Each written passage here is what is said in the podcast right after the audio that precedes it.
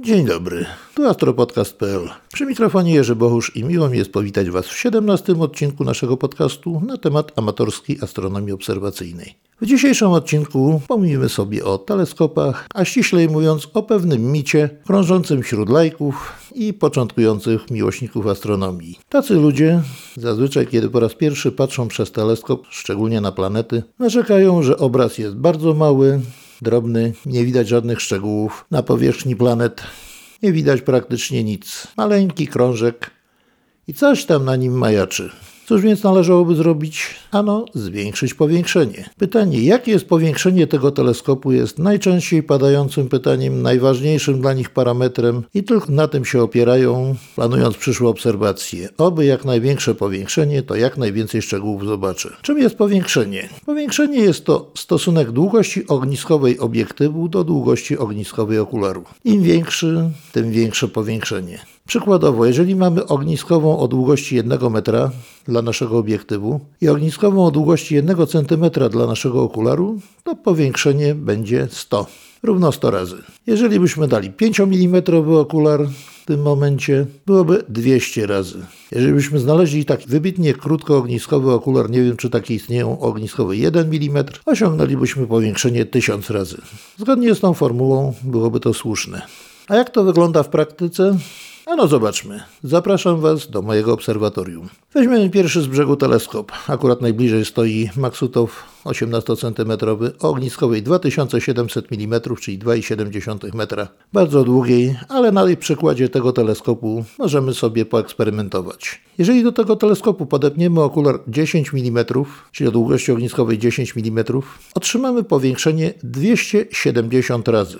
To już jest bardzo dużo. Jeżeli mało, podepniemy 5 mm okular. Też taki mam. Będziemy mieli 540 razy powiększenie. To już jest naprawdę dużo. Ale weźmy sobie jeszcze okular inny, 3,5 mm szerokokątny. Otrzymamy powiększenie 771 razy. Olbrzymie. Ale może to Was nie zadowolić. No to jeszcze poszukamy sobie w koszyku z okularami soczewkę Barlowa, starego typu, długą ogniskową pozorną, dwukrotną. Pinamy tą soczewkę Barlowa i mamy ogniskową 5400 mm. Bardzo dużo. Do tego możemy też podpiąć nasz okular, będzie już bardzo wielkie powiększenie. A jeżeli Wam jeszcze mało, no to jeszcze mamy soczewkę Barlowa czterokrotną, bardzo rzadko używaną przeze mnie, ale bardzo dobrej jakości jeszcze z dawnych czasów. Podpinamy ją i mamy ogniskową efektywną 21 metrów i 600 mm, czyli 21 600 mm. Do tego podpinamy nasz okular 3,5 mm, szerokokątny, bardzo dobrej jakości, więc raczej nie powinien mieć jakichś tam wad na wyjściu związanych z dużym powiększeniem. A powiększenie uzyskamy imponujące 6171 razy, praktycznie 6200. Różnica będzie niezauważalna. Podekscytowani z wielką nadzieją kierujemy się na obiekt astronomiczny, tak wyposażony teleskop, spodziewając się, że nie wiadomo co zobaczymy. Na Księżycu może nie Koguta i Twardowskiego, ale przynajmniej pozostałości po lądowaniach statków Apollo, a na Marsie prawdopodobnie stwierdzimy, że Marsjanie są i że NASA wprowadza nas w błąd, mówiąc, że tam nie ma życia. No, zobaczmy. Spoglądamy przez ten nasz teleskop w tym układzie i co widzimy? Praktycznie nic. Dosłownie. Ten teleskop jest bardzo ciemny w tym układzie. Jego światłosiła wynosi zaledwie 1 do 120, czyli jest bardzo malutka, a pole widzenia tym szerokokątnym okularem wynosi zaledwie 38 sekund kątowych. Jest to bardzo, bardzo mało. To jest taki punkcik na niebie, jak Wenus widziana gołym okiem przez nas. Rzeczywiście niewiele. Pomijając wszystko inne, że obraz będzie ciemny, to teleskop z tak wielkim powiększeniem bardzo trudno byłoby ustawić na jakikolwiek obiekt, ponieważ żaden szukacz nie będzie miał tak małego pola widzenia i nie będzie tak precyzyjny, żeby ustawić go z tą dokładnością na jakikolwiek cel, który wycelujemy nasz teleskop. Jednocześnie przy tak długiej ogniskowej jakiekolwiek minimalne, nawet najmniejsze drgnięcie teleskopu czy montażu spowoduje to, że natychmiast obiekt ucieknie nam z pola widzenia, nawet gdybyśmy go byli w stanie zobaczyć. Rozczarowani bardzo widzimy sami na własne oczy, że jednak nie tędy droga. Jeżeli chcemy widzieć więcej detali na powierzchni planety, na powierzchni Księżyca drobniejsze kratery, czy drobniutkie plamy na powierzchni Słońca, musimy nie zwiększać powiększenie, bo to do niczego nie prowadzi, jak widzimy, ale wziąć większy teleskop.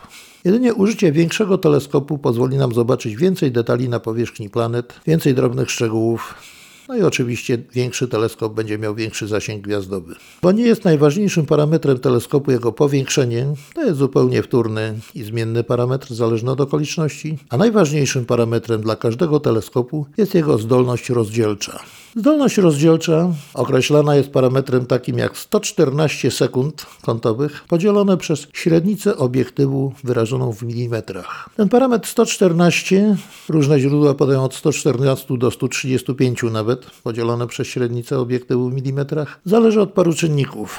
Także między innymi od warunków obserwacyjnych, od jakości konstrukcji teleskopu, jakości wykonania optyki teleskopowej, a także zależnie jest od czystości nieba, pogody, a także zdolności rozdzielczej ludzkiego oka, które dla różnych osobników jest różne. Przeważnie wynosi ono około pół minuty kątowej, czyli 30 sekund kątowych, ale z czasem może to się zmieniać. Nawet zależy od samopoczucia, od zmęczenia obserwatora, tak samo od wieku i od bardzo wielu innych czynników. Ale generalnie przyjmijmy ten najlepszy wariant 114 sekund kątowych przez średnicę obiektywu w milimetrach. Dla teleskopu o średnicy 100 mm będzie to około 1 sekundy kątowej rozdzielczości. Jest to wystarczające, żeby rozdzielić dwie gwiazdy położone bardzo blisko siebie, ale nie bliżej niż 1 sekunda kątowa. Tak samo możemy na powierzchni np. Księżyca czy jakiejś planety rozdzielić dwie drobne plamki leżące bardzo blisko siebie, rozpoznać bardzo małe punkciki, ale nie mniejsze niż 1 sekunda kątowa. No, w pewnych szczególnych warunkach, jeżeli to będą ciemne punkciki na jasnym tle, na powierzchni Księżyca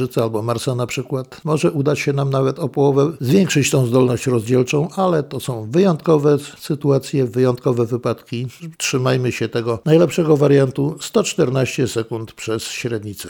Czyli wydaje nam się, że problem drobnych szczegółów, zwiększenia rozdzielczości, wyrazistości szczegółów, zobaczenia większej ilości szczegółów na powierzchniach planety, a także zwiększenie zasięgu gwiazdowego rozwiązaliśmy.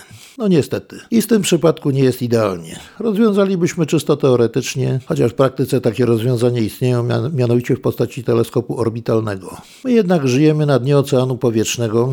Otacza nas gruba warstwa atmosfery, dosyć gęstej, która jest w ciągłym ruchu i jest niejednorodna. W różnych punktach różne warstwy mają różną temperaturę, przez co różną gęstość także gęstość optyczną i właściwości dyfrakcyjne i następuje różne załamanie światła w poszczególnych soczewkach atmosferycznych, co powoduje właśnie migotanie gwiazd.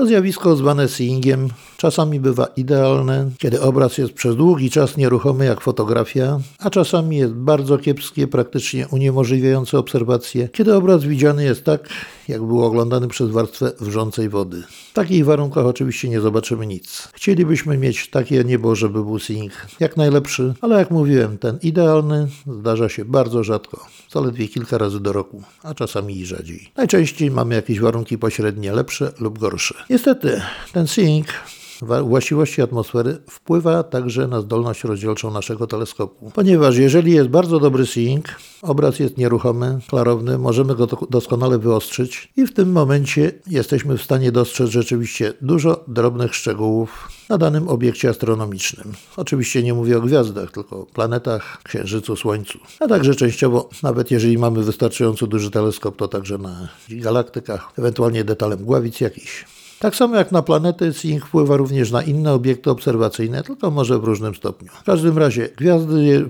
w kiepskim Seeingu nie będą punktowe, obiekty będą rozmywały się, pływały, migotało to, migotał będzie tak obraz pływający, jak taka ameba się będzie poruszał. I mimo, że będziemy mieli duży teleskop, detali wcale nie zobaczymy więcej, a nawet mniej. I na to niestety nie mamy żadnego wpływu. Także nie ma idealnych rozwiązań, trzeba dostosować się do panujących warunków i racjonalnie wykorzystać efektywnie nasze teleskopy i ich możliwości, a także nasze możliwości jako obserwatorów, które zwiększają się oczywiście w miarę doświadczenia, w miarę przeprowadzonych obserwacji i wyciągania wniosków. Będzie coraz lepiej. A jak się ma do tego powiększenie? Otóż, jeżeli będziemy, tak jak w naszym przykładzie, który wziąłem z praktyki, ponieważ ten zestaw mogę w każdej chwili zmontować i skierować w niebo w swoim obserwatorium, więc nie jest to jakiś przykład wydumany, tylko technicznie wykonalny w każdej chwili. I z punktu widzenia tego wzoru opisującego powiększenie jest jak najbardziej słuszny. Niestety w praktyce niestosowalny, więc musimy podejść do zagadnienia inaczej. Mianowicie, Jeżeli chcemy zachować jasność wyjściową obiektów, czyli taką, jaką mają widoczną, widoczną gołym okiem jasność powierzchniową, niezmienioną, musimy dać niewielkie powiększenie. Mianowicie powiększenie nazywamy normalnym. Jeżeli do teleskopu wpada wiązka światła o średnicy, równej średnicy obiektywu teleskopu, jeżeli ją podzielimy przez powiększenie, wypadnie nam wiązka światła przez okular odpowiednio mniejsza, zwana źrenicą wyjściową. Jak już mówiłem, źrenica wyjściowa jest to średnica obiektywu podzielona przez powiększenie. Na czym rzecz polega? Jeżeli chcemy zachować jasność wyjściową, musimy uzyskać takie powiększenie zastosować, żeby źrenica wyjściowa była równa źrenicy naszego oka. Czyli średnica wiązki promieni wychodzących z okularu musi być średni, równa średnicy źrenicy naszego oka. Każde większe powiększenie powoduje zmniejszenie źrenicy wyjściowej, czyli mniej będzie elementów światłoczułych, komórek światłoczułych pobudzanych w naszym oku. Obraz będzie ciemniał. Każde powiększenie zawsze, im będzie większe, tym obraz będzie ciemniejszy. Niezależnie od tego, co byśmy nie robili, po prostu taka już jest natura tych rzeczy. Jeżeli chcemy zachować powiększenie normalne, czyli jasność wyjściową obiektów, kiedy zależy nam na poszukiwaniu jakichś słabych obiektów, na tyle rozciągłych o małej jasności powierzchniowej, że przy dużym powiększeniu ona będzie po prostu się rozmywać, stosujemy nie większe powiększenia. I tak, dla średnicy obiektywu powiedzmy sobie 80 mm, będzie to powiększenie dwudziestokrotne, przy założeniu, że średnica naszych źrenic będzie 4 mm. Czasami są mniejsze, czasami są większe. Dla 100 mm będzie to 25-krotne powiększenie przy tej samej źrenicy oka, dla 250-krotne i dla 300 mm już na porządnym dużym teleskopie będzie to 75 razy. I takie mniej więcej powiększenia stosuje się do obserwacji no, średnio jasnych powierzchniowo komet. Rzeczywiście daje to dobrze, dobre rezultaty. Stosowanie powiększeń mniejszych mija się z celem, ponieważ średnica źrenicy wyjściowej, czyli wiązki promieni wychodzących z okularu, będzie większa niż średnica naszej źrenicy, więc część światła, która zgarnia teleskop, na której nam tak bardzo zależy, bo po to go stosujemy, będzie oświetlać tęczówkę naszego oka, a nie komórki światłoczułe wewnątrz oka, które reagują na światło. Czyli ta część, co oświetla naszą tęczówkę, będzie po prostu stracona, bezużyteczna. Efekt będzie taki, jakbyśmy mieli teleskop o mniejszej średnicy, mniejszej światłosile. Po prostu obraz będzie ciemniejszy. Nic nam to nie daje. Natomiast jeżeli będziemy zwiększać powiększenie, to również z ciemnieniem obrazu zauważymy, że więcej szczegółów będziemy widzieli drobniejszych. Jeżeli jeszcze bardziej większym, jeszcze więcej, ale tylko do pewnego momentu. Potem obraz będzie się degradował Szczegółów więcej nie zobaczymy, potem będzie coraz gorzej, a w końcu ten obraz, który będzie, będzie jakiś taki mętny, bezużyteczny. Tak samo przy bardzo dużym powiększeniu, to już z praktyki wiem, o wiele trudniej jest zogniskować teleskop niż przy powiększeniach mniejszych. Jak to wszystko w praktyce zastosować? Otóż, jeżeli chcemy obserwować komety, galaktyki, mgławice, takie o małej stosunkowej jasności powierzchniowej obiekty rozciągłe, stosujemy powiększenie normalne, czyli nie za duże. Natomiast do obserwacji planet, szczegółów na Księżycu czy drobnych plam na Słońcu jest to powiększenie po prostu za małe. Rzeczywiście, te drobne detale będą niewidoczne, ponieważ zdolność rozdzielcza naszego oka jest zbyt mała, żeby zobaczyć to, co widzimy przez okular. Więc musimy powiększyć obraz na tyle, żeby te detale mniej więcej były takie, jak zdolność rozdzielcza naszego oka, czyli żeby były widoczne w okularze pod kątem pół minuty kątowej, tak jak to widzi nasze oko. Powiększenie użyteczne jest to mniej więcej powiększenie równe równe średnicy obiektywu teleskopu, niezależnie czy to będzie soczewka, czy to będzie zwierciadło, wyrażonej w milimetrach. I tak, powiększenie użyteczne dla 100 mm teleskopu będzie 100 razy, dla 300 mm teleskopu będzie to 300 razy. Nie mówię już o tych wielkich teleskopach, bo tam już przeważnie się nie patrzy przez nie wizualnie, tylko są detektory CCD, czy jakieś inne sensory fotoelektryczne, ale to już jest inna bajka, tym się na razie nie zajmujemy. Przy obserwacjach planetarnych, czasami, żeby mieć większe szczegóły, stosujemy około dwukrotnie większe nawet powiększenie, czyli dwa razy średnica teleskopu wyrażona w milimetrach, ale nie więcej niż 3, góra 2,5. Jest to zasada zwana zasadą Flammariona, czy tam regułą Flammariona, francuskiego astronoma, który właśnie na podstawie wieloletnich doświadczeń, był wybitnym obserwatorem wizualnym planet, ustalił, że takie właśnie kryteria są ważne i tak należy stosować je. Poza tym nie tylko sprzęt decyduje jego parametry techniczne, decyduje też nasze doświadczenie. Jako przykład mogę podać obserwację Marsa. Nie tak dawno była wielka opozycja, praktycznie każdy, kto tylko mógł, oglądał go. Niezależnie od tego, jaki mamy teleskop, jakie powiększenie zastosujemy, ale załóżmy, że zastosowaliśmy to powiększenie użyteczne, czyli wszystko gra, jest jak najbardziej dobrze. Patrząc po raz pierwszy na niego, na początku widzimy tylko okrągły krążek tarczy Marsa, ewentualnie jasną, białą plamkę na, na biegunową, czyli czapę biegunową, jeżeli na Marsie akurat jest odpowiednia pora roku i ta czapa się utrzymuje. Z reguły ona się zmienia bardzo szybko z dnia na dzień, topnieje albo narasta, ale to już są szczegóły. W każdym razie widzimy tylko ten pomarańczowy krążek, tą czapę polarną białą, still i w zasadzie nic więcej. Dopiero jak dłużej popatrzymy, przyjrzymy się, nasze oczy się przyzwyczają do tego widoku, zaczniemy dostrzegać bardzo subtelne na początku szczegóły powierzchni, czyli ciemniejsze obszary, zwane obszarami mórz. I w miarę jak się wpatrujemy coraz bardziej, coraz uważniej, dostrzegamy coraz więcej szczegółów. Nasze oczy, nasz mózg coraz lepiej to rejestruje. To, co w pierwszej chwili wydawało się tylko jednorodnym, pomarańczowym krążkiem, czerwono-pomarańczowym, nagle ukazuje jakieś ciemniejsze szczegóły, jakieś plamy, jakieś kształty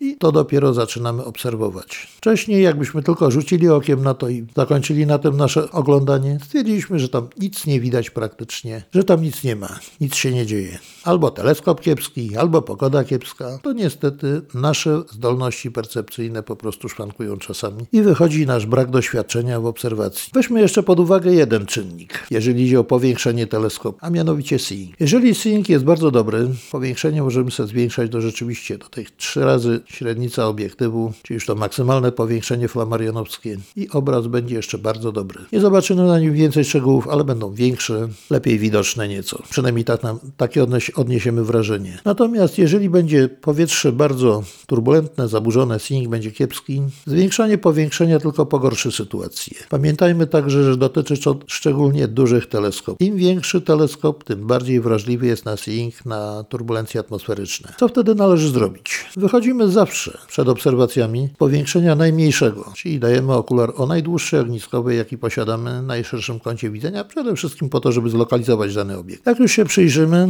zobaczymy gdzie jest, ustawiamy go w centrum pola widzenia, zmieniamy okular na krótszy. W miarę jak przeglądamy się na coraz krótszy, widzimy coraz większej detali, ale też obraz się trochę zamazuje, bo synik zaczyna oddziaływać. Jeżeli jeszcze bardziej zwiększymy powiększenie i obraz zaczyna się psuć, wracamy z powrotem do tego, gdzie jeszcze było to w miarę znośnie i na takim dopiero powiększeniu, niekoniecznie bardzo dużym, kontynuujemy obserwację. Takim, w takich warunkach jedynie w ten sposób możemy dostrzec szczegóły, detale, na których nam zależy i możemy dowiedzieć się czegoś o tym obiekcie.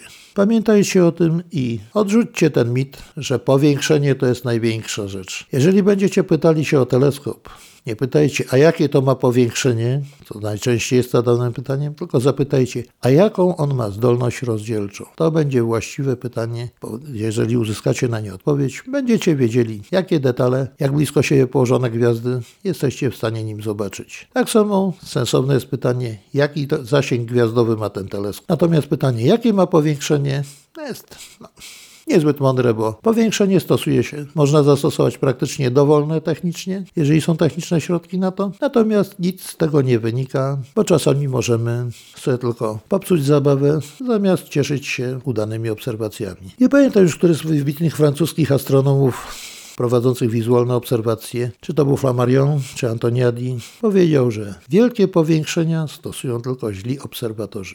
I tego się trzymajmy. I to wszystko na dzisiaj. Słuchajcie astropodcastu.pl. Jak zawsze zapraszam do komentowania, kontaktu mailowego. Adresy znajdziecie na stronie astropodcastu, na stronie kontakt, a także do kontaktu na, w mediach społecznościowych, czy Facebook, Twitter, Instagram. A już żegnam się z Wami. Życzę Wam miłego dnia albo dobrej nocy, zależnie kiedy tego słuchacie. A wszystkim obserwatorom czystego nieba i udanych obserwacji. Do usłyszenia.